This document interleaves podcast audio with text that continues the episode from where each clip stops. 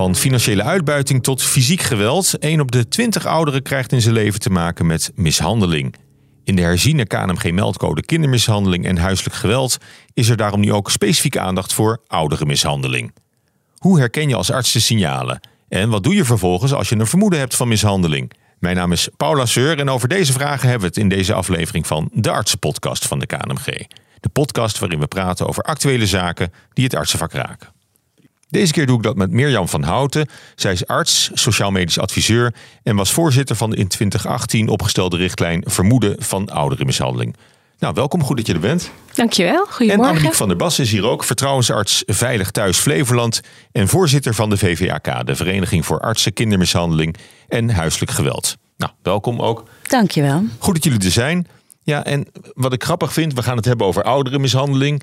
En het, het eerste waar het woord dat valt is kindermishandeling eigenlijk. Ja, ja voor, voor beide. Dat, dat is jouw afdeling eh, vooral, denk ik.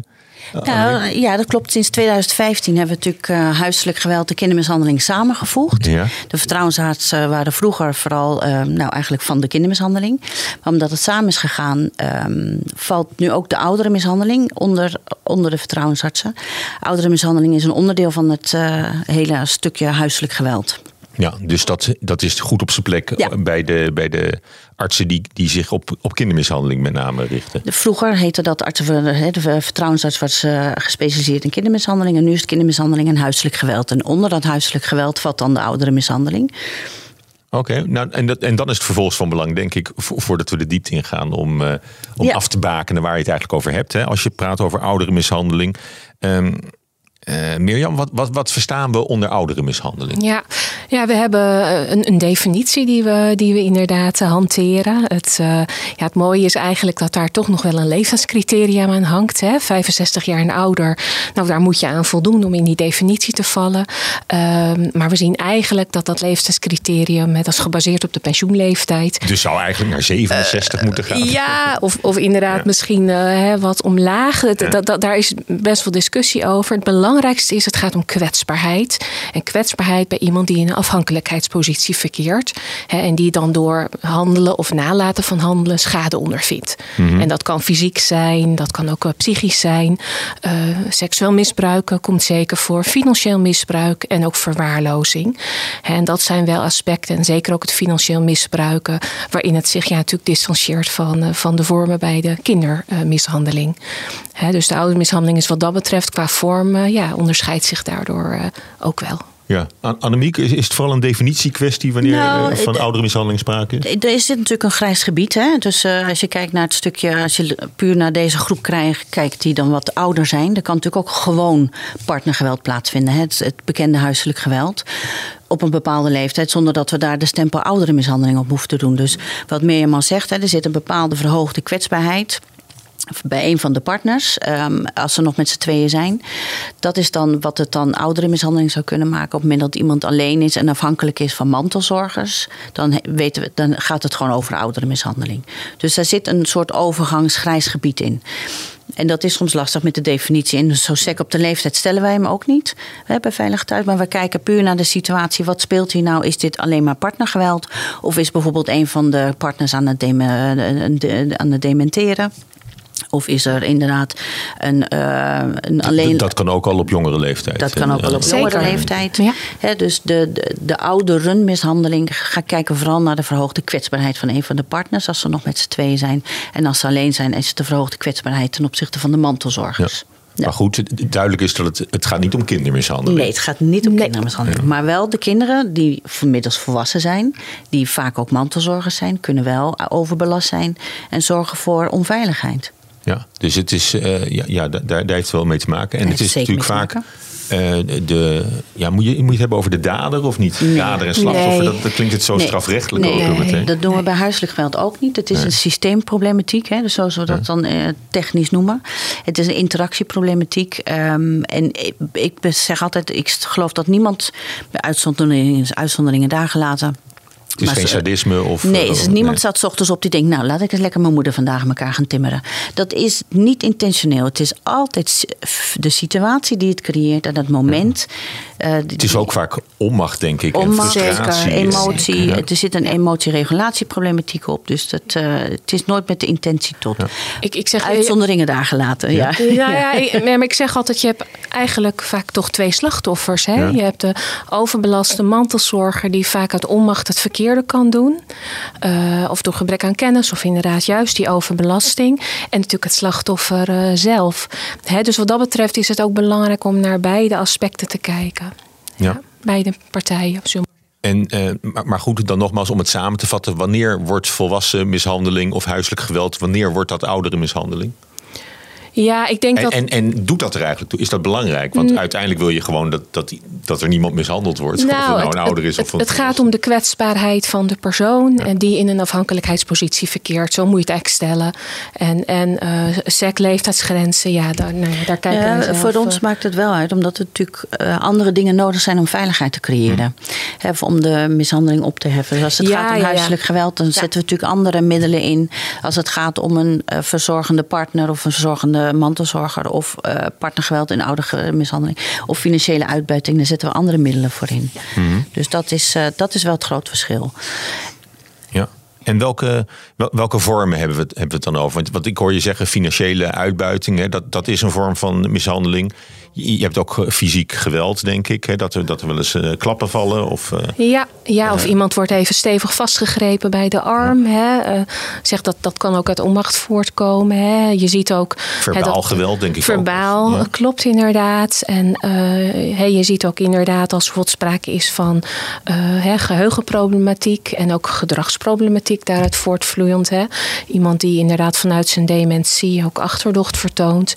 Ook naar de mantelzorger toe. Mm. Ja, dat kan natuurlijk tot, uh, tot, tot druk en overbelasting leiden. En ja, dat iemand toch de neiging heeft om even iemand te pakken van nou nu, hè, uh, geloof me nou, vertrouw me nou, hè, uit die onmacht. Uh, dat, is, dat is niet om het goed te praten, maar het is wel om te begrijpen hoe zoiets kan ontsporen. Ja. Hè. En, en, en, en vervolgens, jou, hoe, hoe kom je er dan achter? Want ik denk ook dat heel veel van dit soort problematiek een beetje onder de radar blijft.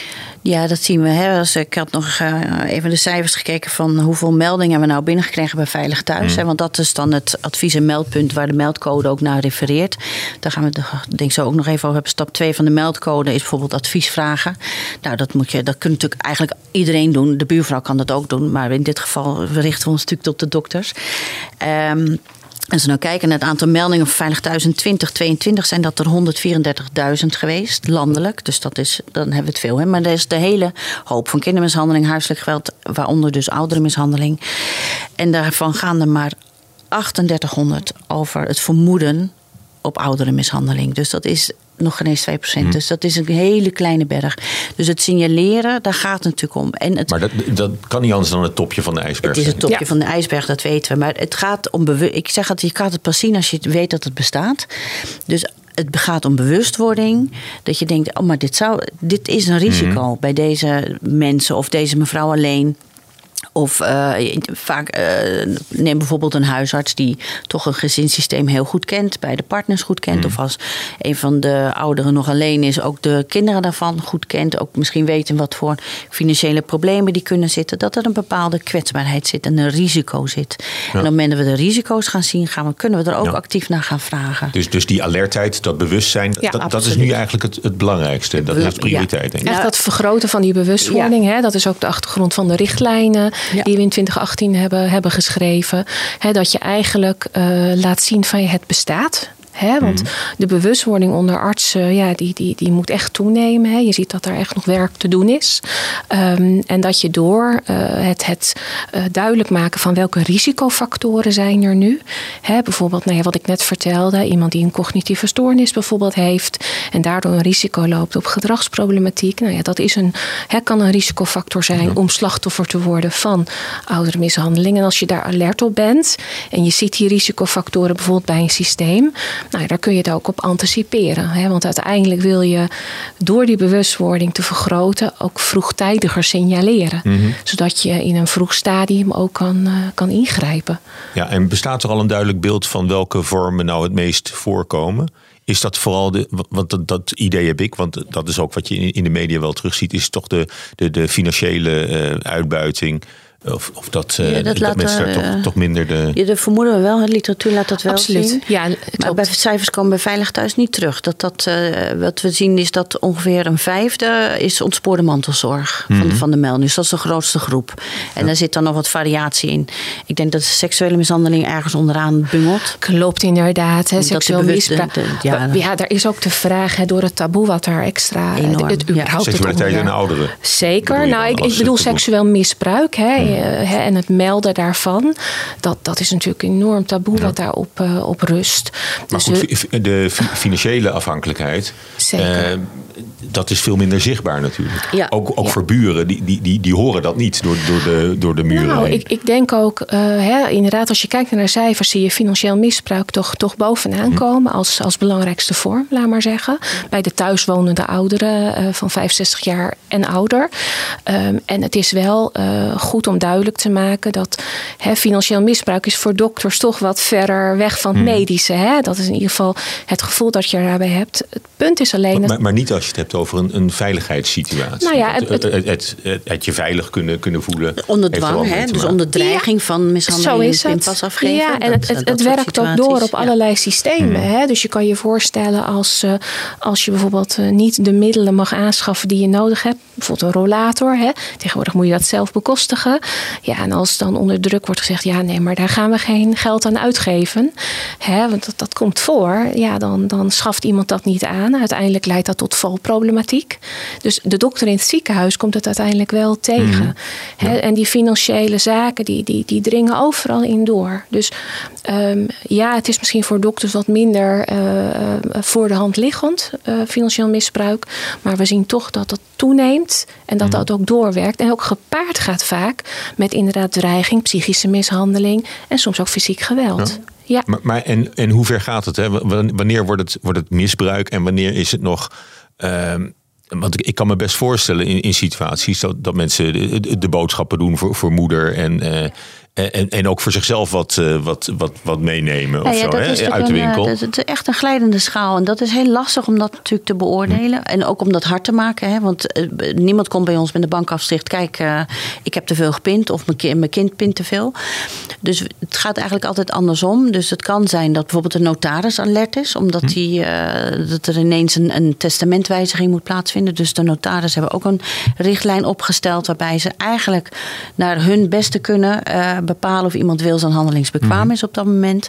Spreken ook alleen met diegene. Dus niet de begunstigde in de kamer laten. Maar er wordt ook een gesprek alleen gevoerd. En dat, is, dat zijn denk ik echt wel verbeterslagen die de laatste jaren zijn gedaan. Mm. Om te zorgen dat mensen niet tegen hun wil. Of terwijl ze het eigenlijk niet meer zo goed overzagen hun testament gingen wijzigen. Het signaleren bij de banken, dat is natuurlijk nog een heel lastig stukje. AVG-technisch. Hoe kan een bank inderdaad zien op afschriften dat er op stelselmatige wijze duizenden euro's afvloeien naar een kind met dezelfde achternaam? Wie heeft daar signaleringsfunctie op en waar mogen ze dan? Dus daar zit nog heel veel gebied. Dus voor de artsen ben ik het me meer mee eens. Dat is heel lastig om die te zien. Behalve inderdaad als je ziet dat, dat je bepaalde hulpmiddelen zou willen. En dat dat niet wordt aangeschaft en, en dan niet helder wordt waarom niet. Dat, nou, uh, helemaal mee eens. En, gewoon en doorvragen. Wat ja. ook belangrijk is, hè, als je kijkt naar een stukje preventie, hè, dan vooral voor deze vorm. Ja.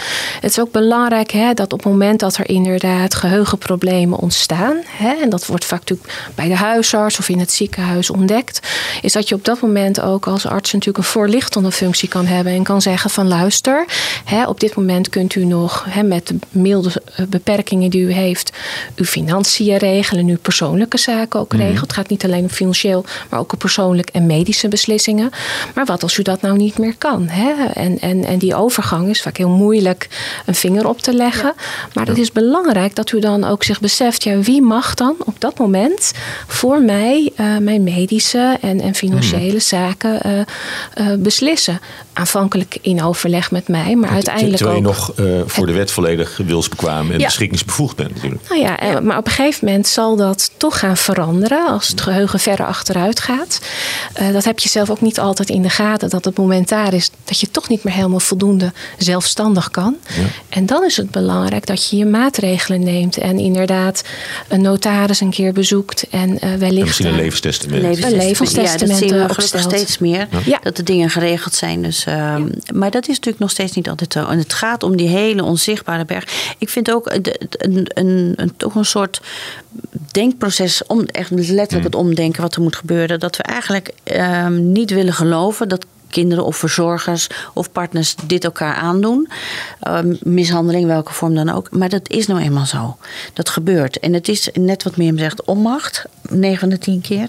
Maar we moeten wel die kwetsbaren beschermen. En ik denk op het moment dat we ons dat realiseren dat het dus kan gebeuren, dat we daar ook over het gesprek kunnen voeren. Dus het gaat ook inderdaad over eh, de dame in, in, in de spreekkamer. En, en je weet dat dochter haar heeft gereden, die zit erbij. En dat ook een keer aan die dochter wordt gevraagd.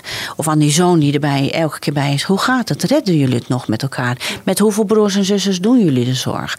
Ehm, is het nog te combineren met je eigen gezin en eigen leven?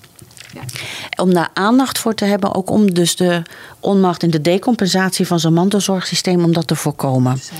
Als je dat, dan hebben we de wereld gewonnen. Ja, Ja. nou, ik, ik vind het Wat dat betreft, ja. hele mooi. Ik, ik ben Ja. zelf jaren mantelzorger Ja, ja. geweest. Eh, ik was op een gegeven moment met mijn moeder bij een specialist. Eh ze had nierproblemen.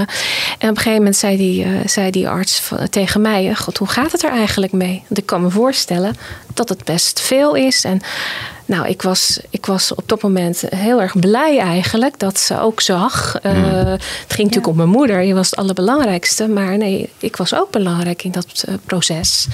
En eh, ik vind dat heel erg mooi. En, en ik denk dat daar ook veel meer aandacht Ja, voor moet zijn. absoluut. Want het gaat uiteindelijk natuurlijk om die, om die oudere persoon, die kwetsbare persoon. Maar ook om dat systeem eromheen. En ja. en ja, eh, zeker met de ouderen die langer thuis blijven wonen, hè, zie je gewoon in de ja, loop der jaren, ja, dat baart mij wel Nou, zorgen. Nou ja, het, het, het, het moeilijke li- lijkt mij Ja. dat het. Ja. eh, eh, dat het ge- gewoon gaat om, om hele eh, alledaagse situaties. En, Absoluut. En, eh, en bijna waar, waar je zelf ook in zou kunnen be- belanden. Zeker. Eh, dat, dat gewoon in heel veel gevallen er toch spanning komt. Nee, op ziet op een mantelzorgrelatie bijvoorbeeld. Ja, we het dus het is, het is vaak ouder en kind ook. Dus dat is. Vaak, ja, vaak, vaak zien we dat. Maar ook partners hoor, die als, als ze gelukkig samen oud mogen worden, zien we toch de overbelaste partner. En wat we natuurlijk zien, hè, dat de ouderen inderdaad steeds langer thuis blijven. Dus er is veel minder zicht vanuit de gemeenschap en de sociale cohesie van een dorp of een buurtschap om toezicht te houden eh, op, op deze oudere mensen. Dat, dat, dat is nou eenmaal zo, die tijden veranderen. Zo zien we ook wel. En ik vind dat wij als dokters ook wel eens kritischer mogen kijken als mensen iets niet willen. Of dat hebben we heel erg snel de neiging om te zeggen: ja, dat is recht op zelfbeschikking. Maar om daar even goed op door te vragen waarom iemand iets niet wil. Of is het inderdaad onder druk van een verzorgend kind of een verzorgende partner. Ehm, dus in hoeverre is het inderdaad echt recht op zelfbeschikking? dat, is, dat is soms heel lastig om dat te zien. En daarom het, het, wil ik toch echt wel voor, voor pleiten. En die meldcode geeft er gelukkig ook ruimte voor. Als je daarover twijfelt als dokter, om dan gewoon even heel simpel anoniem advies te vragen bij Veilig Thuis.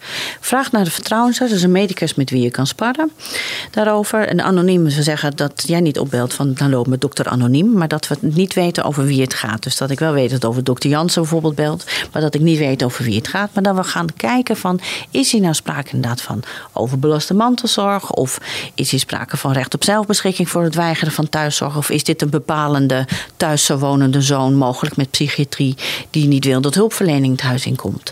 Hè, dus daar, daar is de, de schaal is heel breed en soms heel moeilijk om je vinger erop te leggen. En ik denk dat het helpt om daar met elkaar Ja. over het gesprek aan te Maar gaan. ook dan ben je nog afhankelijk van eh, contacten met, met een huisarts bijvoorbeeld. Hè? En ik, ik Ja. denk dat, dat heel veel eh, gevallen toch, eh, toch buiten beeld blijven. Zeker. Eh, ja, ze worden onzichtbaar. Ja. Ja. Wat, wat, zijn nou, wat, wat zijn nou signalen waar je eh, op moet letten? Nou ja, bijvoorbeeld, hè, ik kan me voorstellen als huisarts hè, dat je in, in bepaalde situaties wel eens een thuisbezoek brengt. En dat je alert bent. Oh, wat zie ik eigenlijk? Hè? Hoe, hoe reageert de persoon zelf? Is hij angstig of teruggetrokken? Hè, dat kan natuurlijk toch duiden dat iemand toch of onder druk staat. Of hè, dus hè, meer de psychische uh, mishandeling, dat dat een rol kan spelen. Maar wees ook alert op, op aspecten van verwaarlozing. Hè? En wat je ook al zei, van ja, die, die, die mantelzorgende dochter of zoon. Ehm, ja, in hoeverre kunnen dingen daar nou van verwacht worden? die hebben vaak natuurlijk ook, uh, komen die elke week wel bij moeder of niet? Wat is nou precies hun rol?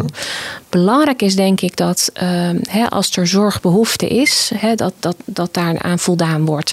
En als zoon of dochter dat niet voldoende kan doen, dat daar ook professionele zorg eh, bij betrokken wordt. Um, het belangrijkste is dat die ouderen inderdaad de zorg krijgen die noodzakelijk is. En um, als een huisarts bijvoorbeeld opvalt van, nou god, ik kijk even in de koelkast. Hè. Tegenwoordig zie je ook dat ambulancepersoneel dat, dat dus laagdrempelig doet. hè. Die hebben ook uh, protocollen in deze. Is dat die toch even kijken van, god, ziet er wat rommelig uit. Uh, even in de koelkast kijken. hey, beschimmelde etenswaren. Uh, gaat dit wel goed? En maken ze daar dan ook een praatje over met? Ja, zeker. Met ze melden dan. En ze kunnen ook inderdaad een melding doen.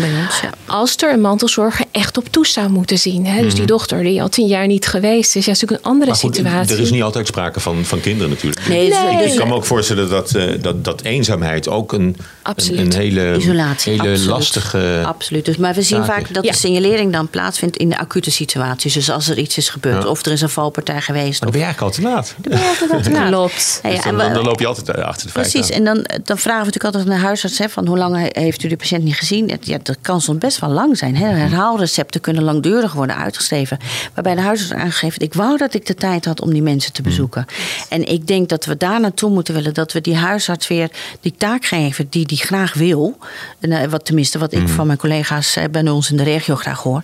Is dat ze in staat zijn om bij die mensen uh, ook af en toe even uh, om, de, om de hoek van de deur te gaan mm. kijken: van gaat het hier nog goed? Het zijn zorgbehoeftige mensen. Vaak hebben ze medicatie. Um, en waarom? Dan lijkt me heel normaal dat je die één keer in de zoveel tijd even ziet.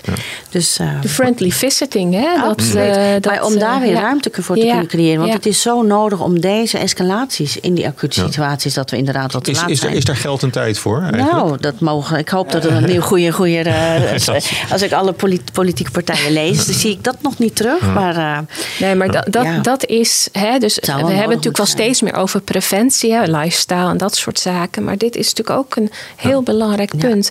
Hè, dat, je, dat je inderdaad die kwetsbare ouderen die dan langer thuis is. Uh, ja, gaat dat eigenlijk voldoende? Is daar voldoende toezicht? Hè, uh, voldoende is, er, zorg? voldoende zorg en aandacht en, en, en liefde uh, ook van, van, van kinderen bijvoorbeeld? Want je, je, je praat me maar zo een schuldgevoel aan. Hè? Ik, ik zit niet altijd te denken, nee, van, nee, ga ik wel vaak genoeg? Nee, dat, nee, dat, nee maar, daar gaat het niet om. Hè. Het gaat ja. om dat, dat iemand veilig is. Ja. Dat klinkt vind ik altijd een beetje stom, want dat hebben we ook met traphekjes. Maar het gaat om... op de werkvloer. Dat er geen vorm van, van, van, van mishandeling plaatsvindt.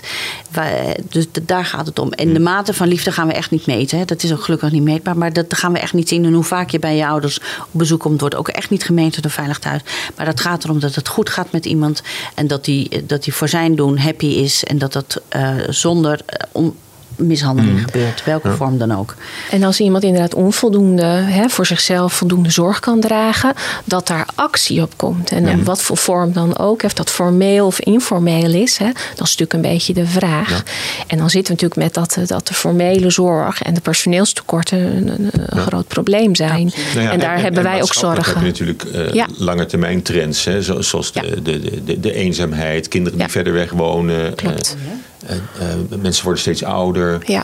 Nou ja, en natuurlijk de cohesie van buurten, hè, die verandert ook. Hè. Hm. Waar vroeger nog wel de boodschap werd gedaan voor de oude buurvrouwen, dat, dat verdwijnt. Zeker in stedelijke gebieden. En we blijven zien het in dorpen natuurlijk nog wel. Dus het blijft ook dat het signaleren. We zien natuurlijk ook dat mensen langer hm. soms overleden in hun huis kunnen blijven liggen. Zonder dat iemand heeft gemerkt dat diegene de gordijnen niet meer heeft open gedaan. Dus daar, daar zit natuurlijk ook bepaalde mm. ontwikkelingen in die hele maatschappij in. Ja. Maar ik denk dat het heel belangrijk is om het te signaleren. Want het lijkt me ontzettend vervelend als je zo oud oud bent geworden, dat je toch zo angstig moet leven voor dan wel uit angst voor fysieke mishandeling, dan wel verbale mishandeling of financiële uitbuiting. Ik denk dat, dat, uh, dat we dat met z'n allen even heel goed tussen de oren moeten hebben. Wat ik nog wel wil toevoegen is dat wij vanuit Veilig Thuis het altijd een beetje ingewikkeld vinden, ouderenmishandeling. Mm. En waarom is dat nou ingewikkeld? En we, we, weten natuurlijk bij de kinderen heel goed wat we moeten doen. En iedereen die weet ook, als kinderen uh, mishandeld worden, dan gaan er bepaalde acties kunnen ondervinden. En werken ouders niet mee of kunnen niet meewerken. Of het lukt niet om de mishandeling te stoppen. Dan kunnen we naar de kinderrechter. En er is ook een, een, een systeem van signalering natuurlijk op scholen. Ja. En als kinderen niet meer naar school komen of, Precies. of, of ja. gedragsverandering nee, qua, qua, kindermishandeling is de meldcode redelijk goed uitgerold. Ook bij de andere professionals. Er zijn natuurlijk veel meer instanties betrokken bij kinderen. Maar bij ouderenmishandeling hebben wij die, die wettelijke uh, maatregelen hebben we niet. Dus als mensen niet mee willen werken of de deur niet voor ons open doen, kunnen wij niet zoveel. Het moet dan eigenlijk bijna om levensbedreigende mhm. situaties gaan. Wil ik de wijkagent zover krijgen met mij naar binnen te treden? En dus terecht, hè? Maar mhm. dat maakt dat het eh, qua benadering veel meer in een samenwerking moet om te Omdat kijken. Je achter de voordeur gaat. We moeten achter die voordeur zien te komen. En als mensen die dicht houden, dan kunnen we niet zo heel veel. Nou ja, en, en, en dat je, maakt, je maakte net ook een hele mooie opmerking. Hè, dat, dat um, hè, je hebt het hier over volwassenen. Ja. Uh, en dat je je inderdaad afvraagt: gaat iemand in weloverwogen zin, hè, dus weloverwogen en in vrijheid, bijvoorbeeld iets weigeren?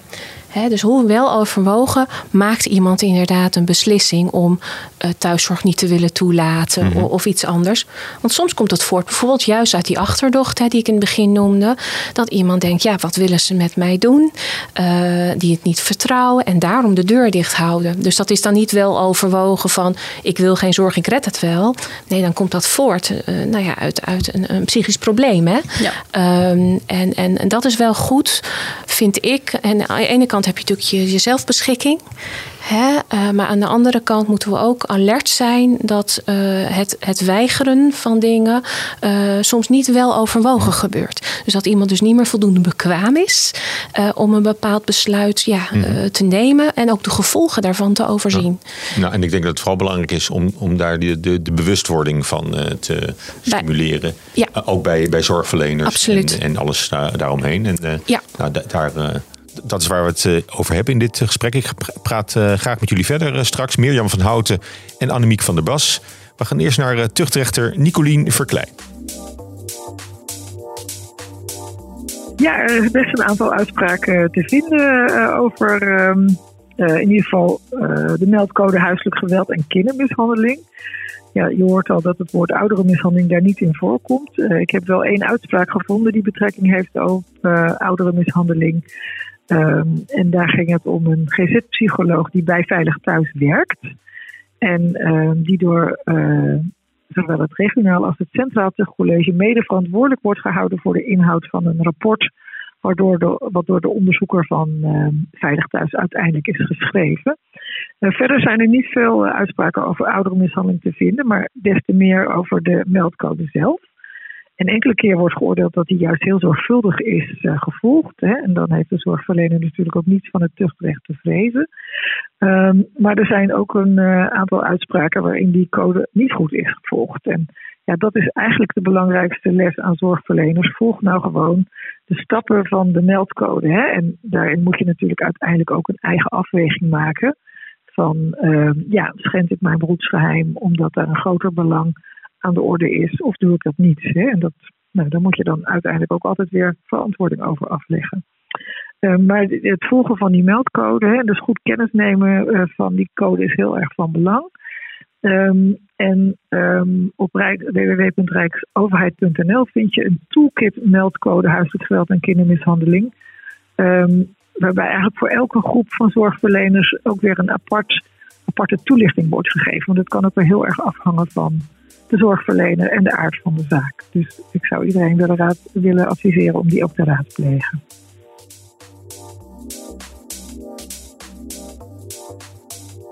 Dat was tuchtrechter Nicolien Verklein. Ik praat verder met mijn gasten Mirjam van Houten en Annemieke van der Bas. Ja, we hebben het gehad over, uh, over, over symptomen en, en, en signalen. Hoe, hoe, kun je zien dat er sprake is van, van ouderenmishandeling in een bepaalde uh, situatie? Maar zijn we eigenlijk niet te veel bezig met symptoombestrijding? zou je niet veel, veel meer moeten kijken naar de, uh, naar de onderliggende problemen, die, die we ook hebben besproken over de, over de maatschappelijke veranderingen. Zouden we daar niet, niet veel meer moeten nou, de, beginnen. Het is natuurlijk een, mooie bijvangst als we gaan uh, allerlei plannen bedenken om de isolatie van, van onze oudere maatschappelijke deelgenoot kunnen opheffen. En er zijn natuurlijk heel veel initiatieven de, van. De eenzaamheidsepidemie. De eenzaamheidsepidemie. En er zijn natuurlijk heel veel uh, woonvormen worden op dit moment ontwikkeld, waardoor mensen toch uh, zelfstandig, maar wel met elkaar kunnen wonen. Ja, knarrelhofjes vind ik. Ja, nou bijvoorbeeld, maar ook moderne architectuurprojecten waarbij jonge gezinnen met oudere mensen door elkaar heen wonen, zodat de sociale cohesie weer wordt toegenomen. En de bijvangst, naar mijn idee, is dan dus dat we inderdaad een symptoombestrijding kunnen doen. En dat dus in ieder geval als er dingen escaleren in de thuissituatie door dan wel een somatische aandoening als dementie, dan wel onmacht, dat dat eerder gesignaleerd wordt. Dus mhm. ik denk dat we ehm, door de ouderen in onze maatschappij te blijven betrekken dat we op die manier heel veel kunnen voorkomen. Ja. Het is heel, denk ik heel belangrijk om het, om het daar met elkaar over te hebben. Hebben ook over dat soort bijzondere woonvormen bijvoorbeeld... waarbij jonge gezinnen samenwonen met, eh, met alleenstaande ouderen... of samenwonen in, in, in, in hetzelfde pand of op hetzelfde erfje? Nou, ik weet daar toevallig een paar projecten van... en ik, ik zie daar wel de voordelen van. In die zin dat daar de signalen van ouderenmishandeling... veel zichtbaarder zouden zijn...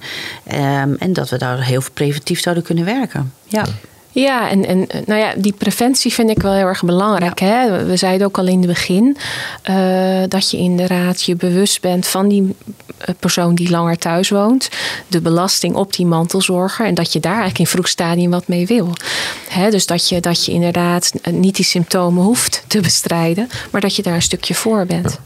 En ik denk niet alleen dat. Ik denk dat we ook politiek ehm, echt beslissingen genomen moeten worden. Hoeveel zorgen willen wij investeren in de oudere mens? Als we nu zien hoe weinig thuiszorg en hoe kort zij binnen mogen zijn. Mm. Er is niet meer uh, tijd om even te vragen aan de ouder: hoe gaat het ermee om een kopje koffie mee te drinken? Om wat meer door te vragen. Het is allemaal tijd en productie. Ik, ik ja, ik vind daar als dokter vind ik daar wat van. Ja.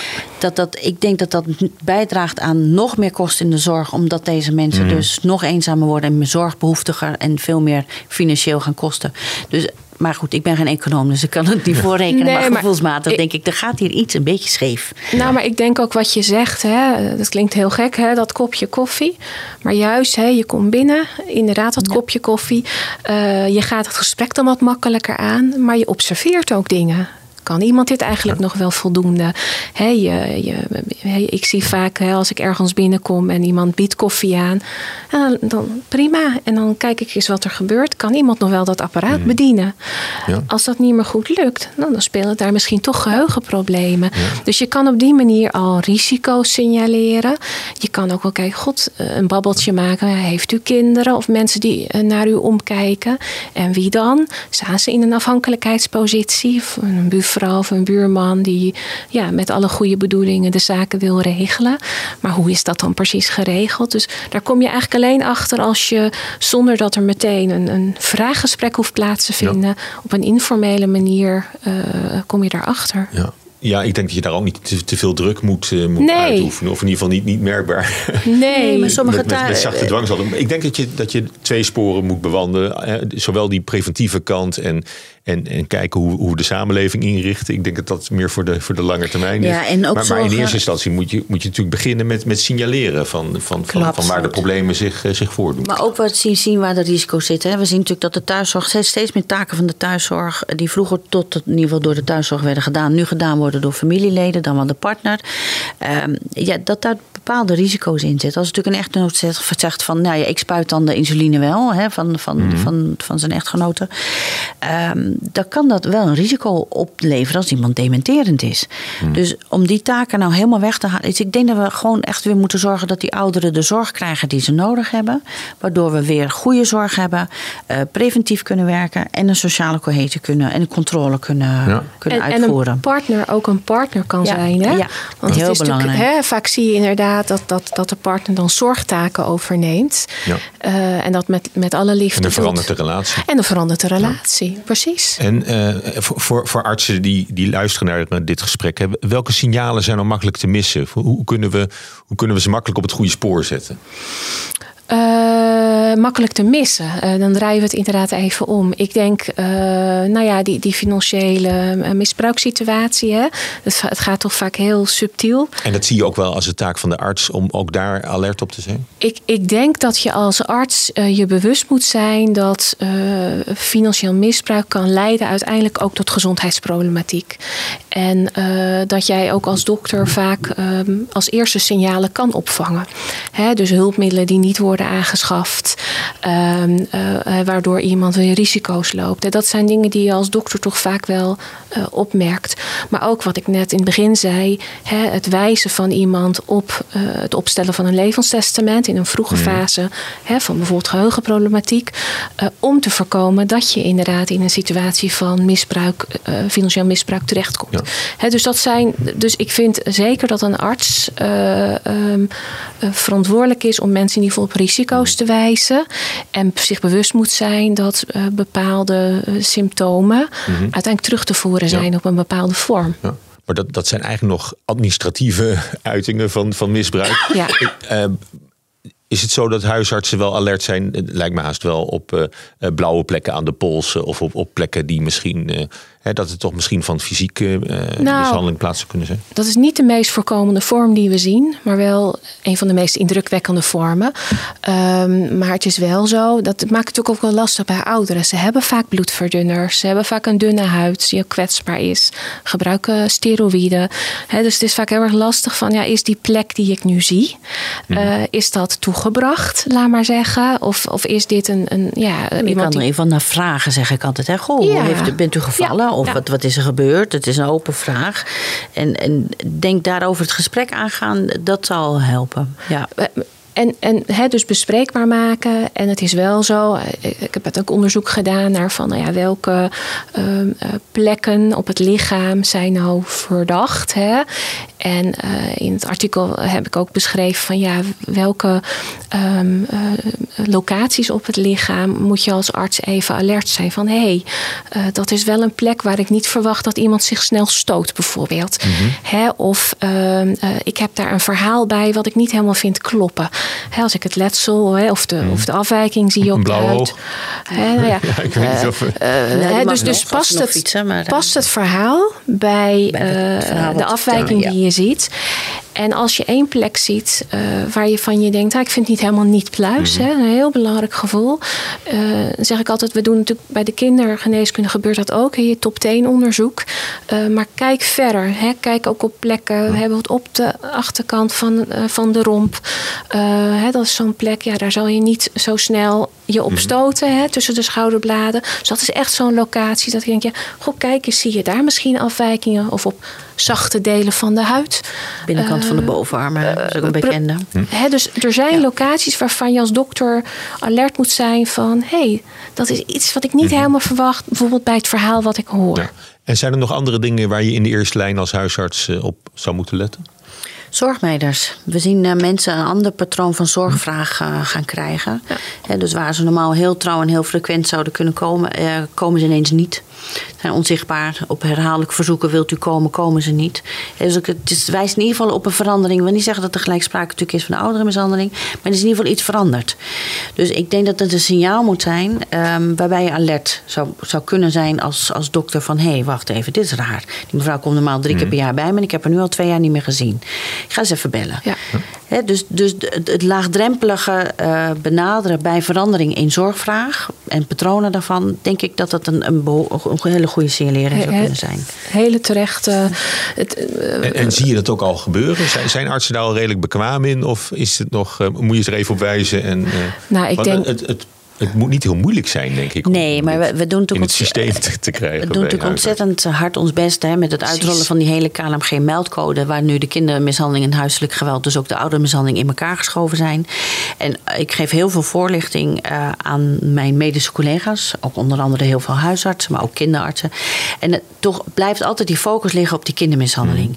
En dat is geheel invoelbaar, omdat we voelen dat dat de kwetsbaren zijn van onze maatschappij, die nog niet voor zichzelf kunnen praten, maar we vergeten dat de ouderen ook die eigenlijk bijna in dezelfde positie kunnen zijn, alleen een totaal andere leeftijdscategorie. En dat maakt het wel eens ingewikkeld. Um, dus de, en het is ook niet zo hip onderwerp, hè? ouderenmishandeling, kindermishandeling. is veel meer, dan ga je de wereld redden. Mm. Ouderenmishandeling geeft dat gevoel veel minder. Terwijl ik denk dat de vormen van mishandeling even erg zijn. Ja. Vind ik in ieder geval persoonlijk. we hebben nu vooral over, over, de, over de huisarts, over de eerste lijnzorg gehad. Zijn er ook gevallen waarin de specialist misschien wel als, als eerste uh, Zeker. iets ja. moeten opmerken? Nou, vooral de spoedeisende hulp. Misschien moeilijk. Ja, we, doen nu op dit moment uh, um, onderzoek naar het signaleren van ouderenmishandeling in de tweede lijn. Ja.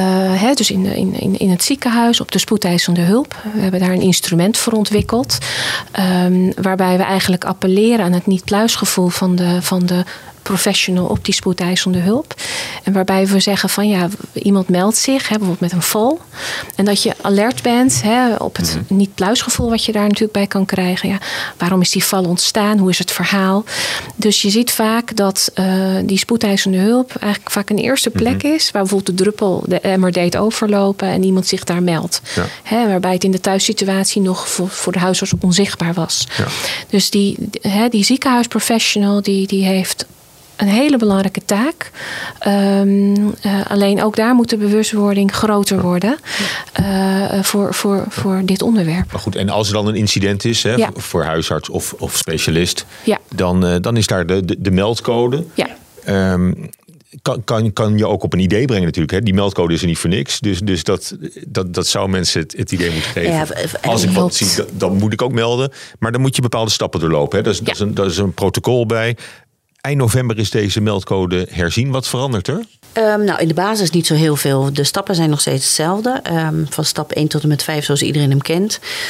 Uh, wat verandert is vooral de regels over informatieuitwisseling. Dat is eigenlijk de belangrijkste. Ik denk dat daarin de, de dokter beter beschermd is. En dat het ook transparanter is naar de patiënten toe. Welke informatie met wie er wordt gedeeld.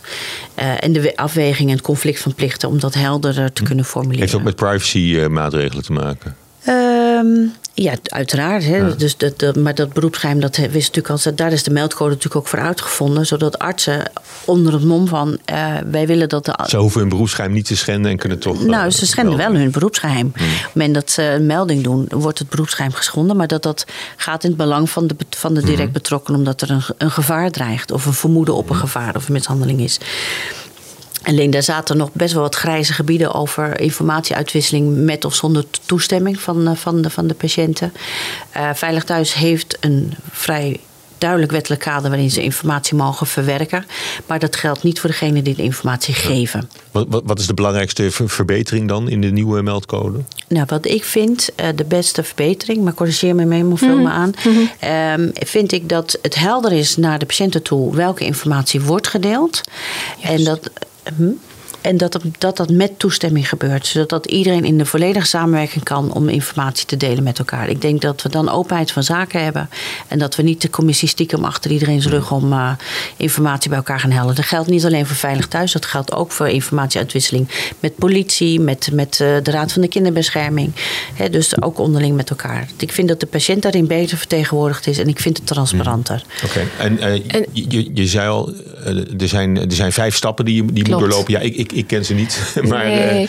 uh, kunnen, kunnen we heel kort die, eh, die procedure even een, een nou, indruk van geven? Als we naar de meldcode kijken, is, is stap 1 is gewoon signaleren. Ja. Gewoon breed. Kinderen, huiselijk geweld, alles. Dus iedere professional. Maar we hebben voor de KMG even iets scherper gezet dan voor de andere professionals afgelopen jaren. Um, is stap 1 is gewoon signaleren. En stap 2 is dan wel overleg met een collega dat is, die, is die is nu bijgekomen. Dan maar overleg met Veilig Thuis, uh, de vertrouwensarts als, als je dokter bent.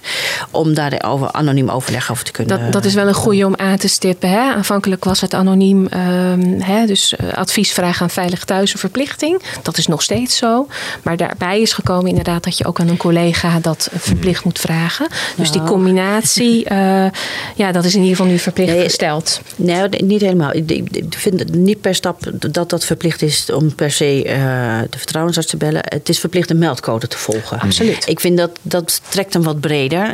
Um, je bent ook verplicht om te signaleren, maar er is natuurlijk niemand die daarop kan controleren. Niemand kan controleren of. Maar wat je natuurlijk al helemaal niet wil, is dat artsen opzien tegen die meldcode. En, en daarom het uh, het in, in, in, twijfelgevallen ja, er maar van afzien. Het belangrijke is dat je, dat je um, he, bijvoorbeeld in het geval van een twijfel, he, van niet pluisgevoel of je ziet signalen, he, dat je in ieder geval niet die drempel uh, ervaart om inderdaad veilig thuis uh, te, te, consulteren.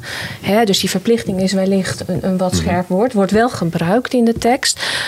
maar het gaat erom dat je voor jezelf jouw vermoedens kan spiegelen aan een deskundige collega, bij Veilig Thuis, in dit geval de vertrouwensarts, uh, maar ook uh, je eigen collega. Hè? Dus, mm-hmm. uh, en dat kan gewoon op een anonieme manier. Van ja, ik zie nu die en die symptomen, of ik zie die en die signalen. K- kunnen we eens spiegelen en daarover in gesprek gaan, zodat je ook voor jezelf duidelijk kan maken: ja, wat zie ik nou precies en wat maakt dat ik twijfel? Ja, en we zien ook dat steeds meer ziekenhuizen nu uh, hadden altijd al een aandachtsfunctionaris kindermishandeling. Dat daar nu ook een aandachtsfunctionaris ouderenmishandeling, huiselijk geweld bij is gekomen. Dus ik zeg altijd, uh, bespreek ze ook, als je het nog een beetje eng vindt om mm. veilig thuis te bellen, bespreek dat gerustig met je aandachtsfunctionaris. En bel gewoon, want wij zijn mm. heel vriendelijk, we bijten niet. Ja. We zijn maar soms is, is veilig slecht thuis bereikbaar. Niet, niet, niet ook gewoon een soort uh, kindertelefoon of een soort oude nee. telefoon? dat je ze gewoon rechtstreeks kan bellen en, en die stappen van die meldcode maar overslaan slaat. Wat is daar precies het belang van dat je dat allemaal stapsgewijs eerst, eerst doorloopt? Want misschien creëer je wel onnodig een, een, een, een hogere drempel. Nou, bedoel je dat precies? Met een hogere drempel voor, voor wie? Een hogere voor de, drempel voor de, voor de, bellen, voor de arts om te melden. Om, omdat, het, om, omdat je ineens een heel uh, protocol in moet. Nee, maar het stappenplan helpt je om eigenlijk je vermoedens voor te jezelf formuleren, formuleren ja. duidelijk te krijgen. Ook na te gaan van ja, is er bijvoorbeeld sprake van acuut of structurele onveiligheid. In het afwegingskader wat er ook in is opgenomen. Dus het dwingt je. Uh, het woord dwingen is misschien wat sterk. Maar je dient die stappen te volgen om de vermoedens die je hebt, hè, om die duidelijk te krijgen. En ook duidelijk te krijgen in overleg met Veilig Thuis uiteindelijk in het afwegingskader van ja, is er inderdaad in dit geval uh, uh, een reden om een eventuele melding te doen. Mm-hmm. En een melding is niet het doel op zich. Het doel is dat je duidelijk krijgt wat zijn de signalen. Kan hier inderdaad hier hulp worden ingezet? Uh, en als dat niet kan, wat zijn dan volgende stappen? Dus het helpt je om ook je denkproces mm-hmm. te vormen. Ja, maar Ja, het- en het- uiteindelijk, en nog aanvulling. uiteindelijk moet er, moet er wel een beslissing worden, worden genomen, Ja. natuurlijk, of, of je het doorzet. Ehm, eh, dat is, eh, daar zit toch een, een, een subjectief moment in. Of, of kun je ook objectief zeggen: dit is, dit is het kantelpunt, hier moet je eh, melding doen nou, bij eh, eh, Veilig Thuis. Ja, nou moeten, eh, helemaal niet. Ja, Ehm, of is het noodzakelijk? Nee, Of, dat- die- het is een gezamenlijke beslissing, zeg ik altijd. Hè. Dus iemand, hè, als je even vanuit mijn stoel, is je belt niet even zomaar met, met de maatschappelijk werk. Je belt, je belt gewoon met een eh, professional die verstand heeft van signalen van ouderenmishandeling of huiselijk geweld in de breedste zin van het woord, dan maar kindermishandeling. In dit geval hebben we het over ouderenmishandeling. Dus dan gaan we kijken, is wat je signaleert, zou dat kunnen wijzen op? We hebben, dus we hebben nog hoeven geen bewijzen in te voeren. Er hoeven, de, wat dat betreft, het gaat gewoon puur om te kijken, even spiegelen, wat, waar hebben we het over? Dan hebben we drie, stap 3, 4 van de meldcode. Geven de beller nog de mogelijkheid, als hij daartoe in staat is, omdat hij een langdurig zorgtraject heeft met, met de patiënt, is het mogelijk om het te gaan bespreken eh, en om hulp te organiseren. En is er dan de veiligheid opnieuw gecreëerd? En is het de, stopt dan de, de vorm van, van, van mishandeling? Op het moment dat dat niet lukt, dan gaan we naar stap 5 en dan pakken we het afwegingskader erbij. En dan gaan we kijken, want we hebben het dan. Is het dan een kwestie van, bij wijze van spreken, dat iemand geen aspirintje krijgt? Of hebben we het erover dat iemand geen insuline krijgt? Dus dan ga je de gezondheidsnadelen wegen. Is de, welke vorm van mishandeling hebben we het over? Gaat het over eh, één keer in de maand misschien een schreeuwpartij? Of wordt iemand dagelijks fysiek mishandeld? Die weging, alles bij elkaar, het verhaal, de afhankelijkheid, het niet kunnen oplossen door de adviesvrager zelf, maakt dat we dan tot een gezamenlijk besluit komen om dan eh, een melding te doen. Ja. En dan is de melding. En welke, welke concrete hulp kunnen jullie uiteindelijk eh, bieden? Nou, dat is soms best ingewikkeld. Net wat ik al eerder zei. Hè? Dus bij de kinderen heb je natuurlijk je wettelijk kader waar je binnen kan opereren. Dat is bij ouderen niet zo. Dus wat we dan gaan proberen te doen, in ieder geval is om in gesprek te komen met de ouderen. Ehm, desnoods met het hele gezinssysteem, eh, kinderen erbij, als die er zijn, mantelzorgers.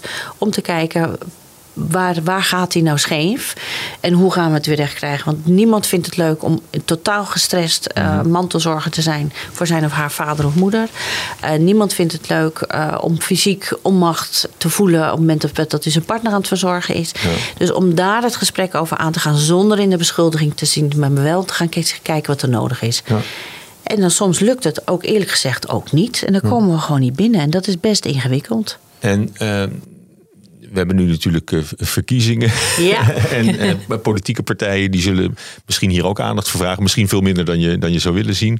Maar als je het zelf voor het, voor het zeggen had, welke wetswijziging zou je dan invoeren? Of welke wet zou je dan invoeren om wel het gereedschap te hebben om, om iets te kunnen doen? Nou, de vraag is of, of dat zo is. Hè. Ik, die vind ik ingewikkeld. Mensen, ik vind het recht op zelfbeschikking echt een heel groot recht. En voordat ik dan kan zeggen dat iemand dat niet vanuit dat recht op zelfbeschikking uh, handelt. Nou, dan moet ik wel heel, heel veel uh, heel goede, goede, argumenten, goede argumenten hebben hoor. Dus ook het ergens niet binnen mogen komen is ook nog steeds iemand zijn recht. En de bemoeizorg die we dan tegenwoordig hebben, is prima, maar heeft natuurlijk ook zijn beperkingen en gaat ook maar tot een bepaalde drempel.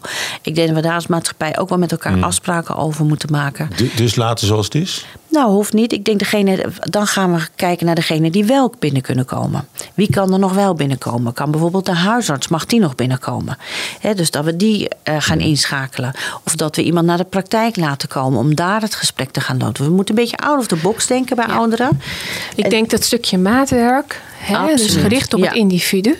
Ja. Ehm, maar juist maatwerk is denk ik wettelijk heel moeilijk te regelen. Dat, is, ook, dat, dat is ook. wat ik belangrijk vind is dat, dat, dat de stappen van de meldcode in ieder geval uh, gevolgd uh, worden. Uh, dat, dat men weet hè, dat deze meldcode er is. En nu ook met de herziening. En dat het, dat het je helpt als professional om je vermoedens nog meer concreet te maken. En dat het bellen met Veilig Thuis op een anoniem, dus niet met tot de persoon herleidbare gegevens, een hulpmiddel is, een spiegel is. En, en niet iets waar je uh, bang voor hoeft te zijn of waarvan je denkt, hmm. oh, maar nu moet ik alles delen over die persoon. Nee, het is belangrijk voor jou als professional dat je ook kunt delen waar je zorgen liggen. En uiteindelijk ook dat met betrokkenen willen delen. En als je al, uh, want we moeten dit gesprek uh, afronden. nu al? ja, nee, ik zou er eindeloos kunnen door, doorpraten. Maar wat zou je in algemene zin aan artsen die, die naar dit gesprek luisteren willen, willen adviseren als het om deze zaken gaat? Ja, wees je bewust dat het bestaat. Het klinkt misschien heel het is een open deur. Hele ja. open deur. Hij moet echt maar open, ik, deze deur. Ja. Maar hij moet echt uh, nog meer open.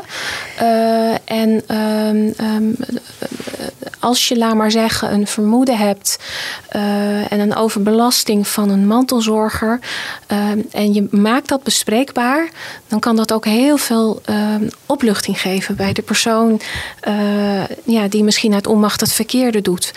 Dus je bent altijd bang, ja, verbreek ik dan, creëer ik dan onrust in de relatie. Maar als jij niks zegt uh, en de volgende doet dat ook niet, dan blijft zoiets bestaan.